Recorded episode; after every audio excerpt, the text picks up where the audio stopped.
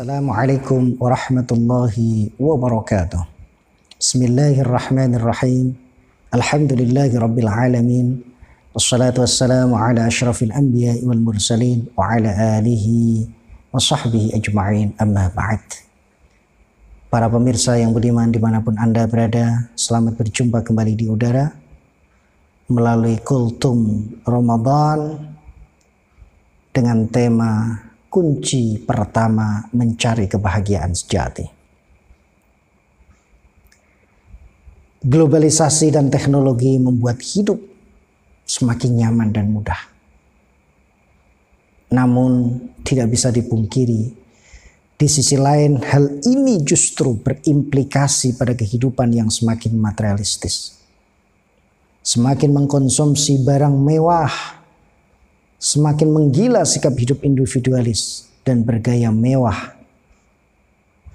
Karena hal ini sering dipamerkan di televisi, maka hal itu menggoda mereka yang tinggal di kota hingga pelosok desa. Benar atau tidak? Insya Allah benar. Coba diamati. Mereka terhanyut dan terlelap dengan manisnya dunia hijaunya kemewahan. Hal ini yang memotivasi mereka berlomba-lomba mengumpulkan harta, bekerja siang dan malam, mencari uang, bahkan kadang tidak peduli halal maupun haram, serta mengejar karir hingga lupa tugas dan kewajiban.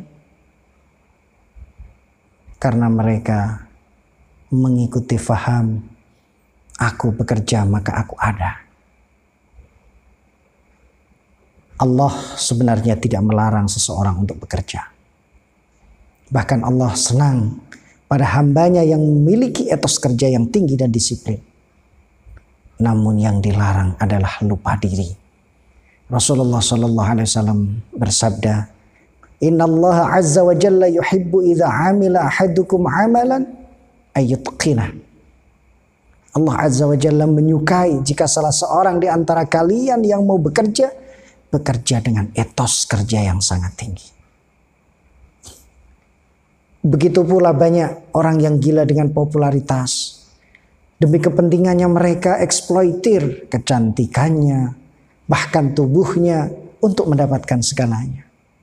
Na'udzubillah, summa na'udzubillah. Mereka bangga bila dipuja-puja fansnya. Mereka senang jika fotonya dipajang di setiap kamar penggemarnya.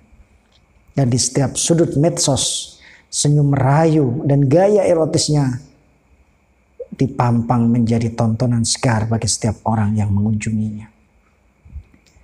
Semua hal itu tujuannya tiada lain adalah satu mencari kebahagiaan dan kenikmatan hidup. Mencari kebahagiaan dan kenikmatan hidup. Mereka yang berpaham materialistis menjadikan uang adalah raja. Dengan uang mereka pikir bisa melakukan segalanya. Tapi mereka lupa bahwa dunia tidak lebih hanya ibarat seperti kendaraan yang tergantung pada siapa yang mengemudinya. Jika pengemudi membawa penumpangnya ke jalan yang lurus, maka kendaraan itu bisa membuat nyaman dan nikmatnya perjalanan mengantarkan penghuninya menuju tempat tujuan.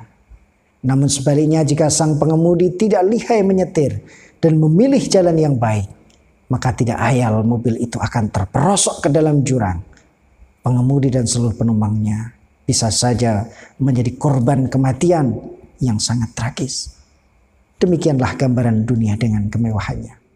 Para pemirsa yang dimuliakan Allah, dengan kekayaan mereka dapat membangun istana tempat tinggalnya dengan megah dan mewah. Namun mereka lupa dan lalai membangun rohaninya dengan banyak berzikir kepada Allah. Dengan uang mereka mampu membeli alat-alat perabot yang bergengsi, yang produk-produk ekspor, semua hiasan-hiasan indah menghiasi ruangan dengan interior dan gambar-gambar yang mahal. Memiliki halaman yang luas. dihiasi dengan taman dan mobil-mobil yang parkir. Namun mereka lupa menghiasi dirinya dengan amalan salihah yang itu sebenarnya akan dibawa sampai mati. Banyaknya harta yang berlimpah tidak menjamin atas kenyamanan hidupnya. Dan tidak pula sepenuhnya ia dapat menikmati kekayaan. Bahkan bisa jadi sebaliknya. Para pemirsa yang dimuliakan Allah. Contoh konkret, orang yang gila kerja. Membuat waktunya banyak tersita untuk pulang ke rumah. Komunikasi keluarga menjadi sangat jarang. Pendidikan anak-anak juga terabaikan. Aktivitas rohani apalagi mendatangi majelis ta'lim apalagi menjadi hal yang tidak penting baginya. Rumah tidak lagi sebagai surga. Sebagaimana disebutkan baiti jannati. Rumahku adalah surgaku. Keluarga tidak lagi ramah, bahkan anak-anaknya menjadi asing. Dalam keadaan semacam inilah sebenarnya pertahanan mental sangat-sangat melemah. Jiwa orang tersebut menjadi rapuh dan rohaninya keropos dan ujung-ujungnya naudzubillah bisa menjadi stres. Ketika badai masalah menghantam, problematika keluarga melilit, mereka hanya bisa mencari kepuasan-kepuasan yang biasanya bersifat temporer. Kami contohkan kurang bekennya Marilyn Monroe. Setiap pemuda memuji kecantikannya, miliuran dolar ia dapatkan, ia kantongi setiap harinya. Namun ia mengakhiri hayatnya dengan bunuh diri. Apa alasannya? Karena tidak bahagia dalam hidupnya. Apa sebabnya? Ia salah alamat dalam mencari kebahagiaan hidupnya. Sokrates, peletak dasar ilmu filsafat, hampir setiap permasalahan mampu ia jawab dengan teori filsafatnya. Karena ia berpendapat, aku berpikir maka aku ada. Demi mempertahankan pendapatnya, ia rela mengakhiri hidupnya dengan meneguk racun di dalam penjara. Dan hanya meninggalkan secari kertas yang bertuliskan. Hanya satu yang saya tahu bahwa aku tidak tahu. Hanya satu yang saya tahu bahwa aku tidak tahu. Maksudnya, walaupun ia seorang yang jenius dan pandai, namun ia merasa gagal dalam mengarungi hidup. Ia tidak tahu apa tujuan hidup yang sebenarnya. Dan di manakah kebahagiaan hidup itu ada. Orang yang selalu merasa bahagia adalah orang yang telah dekat dengan sang pemilik kebahagiaan. Orang yang bisa merasakan kenikmatan adalah orang yang telah dekat dengan sang sumber kenikmatan. Siapa dia? Allah Azza wa Jalla. Para pemirsa yang budiman yang dirahmati oleh Allah Subhanahu wa taala. Ingat orang yang muslim sejati akan memandang kehidupan secara lengkap dia tidak ingin terperangkap dalam bentuk kenikmatan sementara atau semu yang bersifat ilusi dan fata morgana. Apalagi kenikmatan yang terlepas dari nilai-nilai ruhaninya. Sebagaimana firman Allah Subhanahu wa taala dalam surah Yunus. A'udzu billahi minasyaitonir rajim.